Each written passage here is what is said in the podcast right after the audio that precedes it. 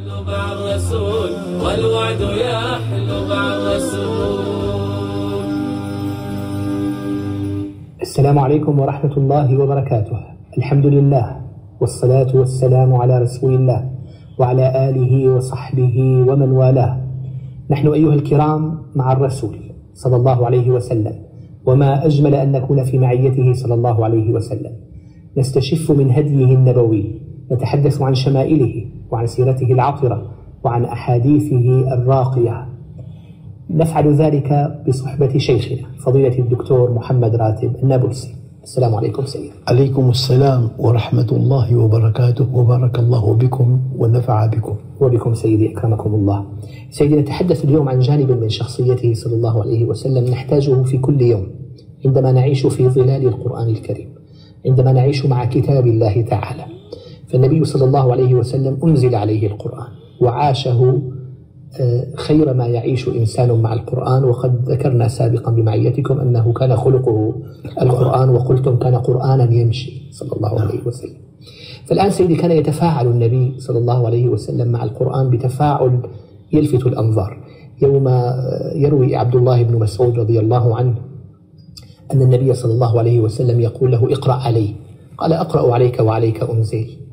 قال نعم أحب أن أسمعه من غيري فقرأ من سورة النساء فلما بلغ قوله تعالى فكيف إذا جئنا من كل أمة بشهيد وجئنا بك على هؤلاء شهيدا قال فالتفت إليه فإذا عيناه تذرفان كيف تعامل النبي صلى الله عليه وسلم مع القرآن أنا الكريم؟ مضطر أن أبدأ بفكرة دقيقة جدا نعم. وهي معنى قوله تعالى يتلونه حق تلاوته فيما أتصور حق التلاوة أن تقرأه بلغة صحيحة. لذلك قال سيدنا عمر تعلموا العربية فإنها من الدين. هي واحدة. ثم أن تقرأه إن أمكن قراءة مجودة في إدغام في مد في إقلاب في إظهار. والثالثة أن تقرأه مع الفهم. أهم بند في هذا الموضوع التدبر. أين أنت منه أين أنت منه في مئات الآيات المتعلقة بيا أيها الذين آمنوا. وأنت مؤمن؟ هل طبقت هذا الكلام؟ هي البطولة. أين أنت من هذه الآيات؟ هل أنت مطبق لها؟ يعني مثلا واحد نصح أن يتعرض لأشعة الشمس. جلس بغرفة قميئة وباردة وما فيها شمس إطلاقا وأثنى على الشمس على ضوء الشمس وعلى شفاء الشمس. كلام لا يقدم ولا يؤخر. ما لم نطبق هذا القرآن لن تغلب أمتي من اثني عشر ألف من قلة. فإذا كان المسلمون مليارين ومع الأسف الشديد والحقيقة المرة أفضل ألف مرة من الوهم المريح ليست كلمتهم هي العليا. نعم. بل هناك حرب عالمية ثالثة ضد الدين. هذا شيء واضح وضوح الشمس. كانت هذه حرب تحت الطاولة.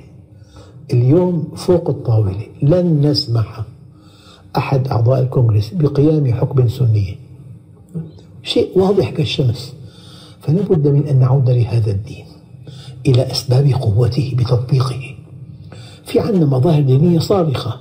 مساجد مصاحف مهرجانات مؤتمرات كل جيد. ما لم نطبق هذا الدين لا نقوى به. بدخلنا ما في دخل حرام باستثمار أموالنا باختيار حرفتنا باختيار علاقاتنا باختيار لقاءاتنا باختيار سياحتنا. هذا الدين يبدأ من فراش الزوجية وينتهي بالعلاقات الدولية. إذا فهمنا الدين عبادة شعائرية لا نقطف ثماره إطلاقا.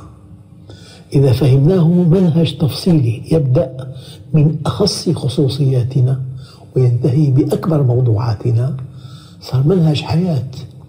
فهذا تعليمات الصانع أنت راكب مركبة غالية جدا. تألق ضوء أحمر في لوحة البيانات. إن فهمته ضوءا تزيينيا احترق المحرك بدك مئة ألف.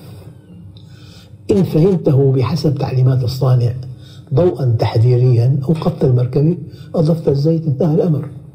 فأنت انطلاقا من حرصك اللامتناهي على سلامتك وسعادتك. ينبغي أن تتبع تعليمات الصانع. هي تعليمات الصانع. راكب مركبة والطريق مكتوب حقل ألغام ممنوع التجاوز. هل ترى هذه اللوحة حدا لحريتك أم ضمان لسلامتك؟ ضمان هذه قصة في اللحظة التي تفهم بها النواهي ضمان لسلامتك والأوامر أسباب لسعادتك تقبل على هذا الدين إقبال مذهل. الإقبال على الدين يسبقه فهم صحيح. الفهم الصحيح يحتاج لطلب علم. لا بد من طلب العلم. تعرف من أنت؟ أنت المخلوق الأول. لماذا أنت في الدنيا؟ لعبادة الله. وما خلقت الجن والإنس إلا ليعبدون. والعبادة طاعة طوعية ممزوجة بمحبة قلبية أساسها معرفة يقينية تفضي سعادة أبدية. نعم. جزاكم الله خيرا سيدي.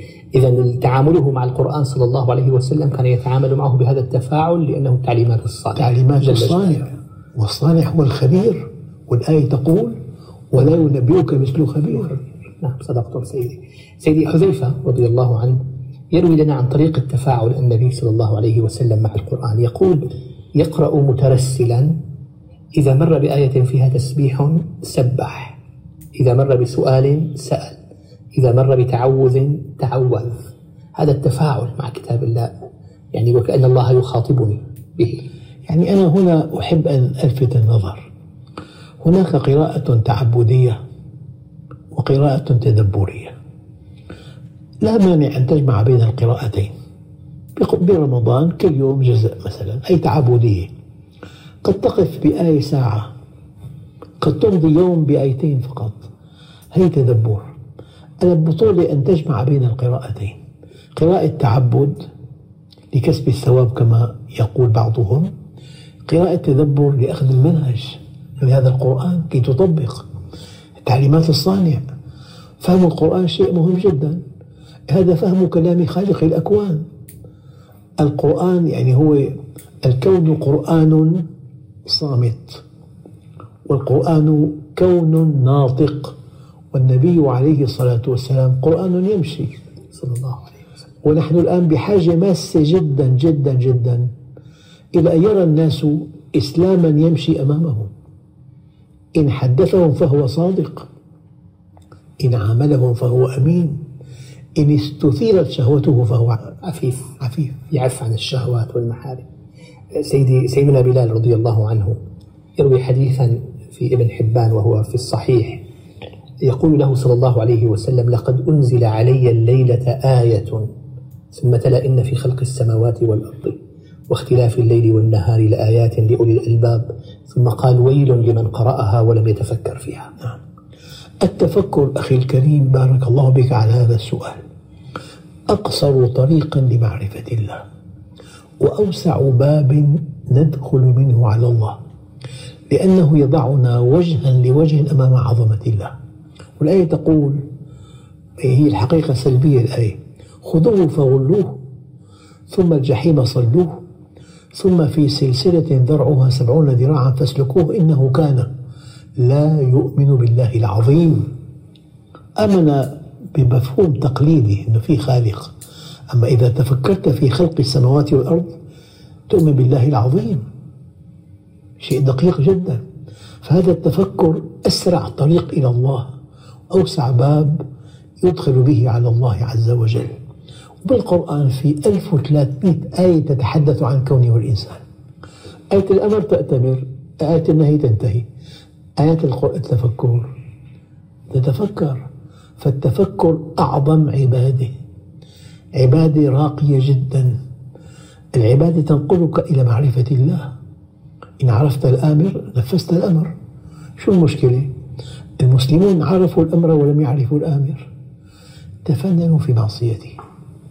الصحابة الكرام والتابعين وتابعي التابعين عرفوا الآمر وعرفوا الأمر فتفانوا في طاعته.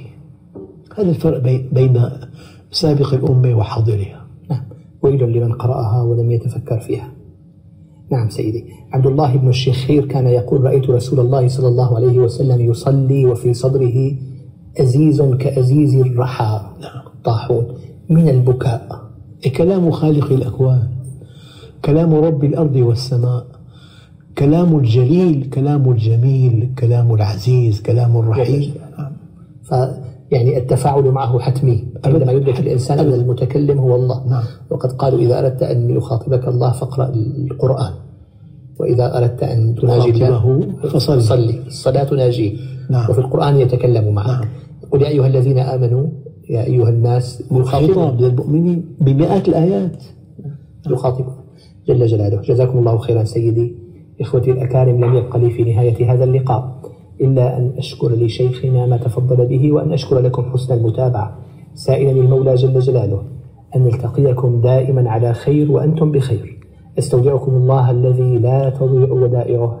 السلام عليكم ورحمة الله وبركاته. أزداد بالبشرى الليال شوقا إلى رحب الوصال والروح تسري بالخيال والوعد يحلو مع الرسول والوعد يحلو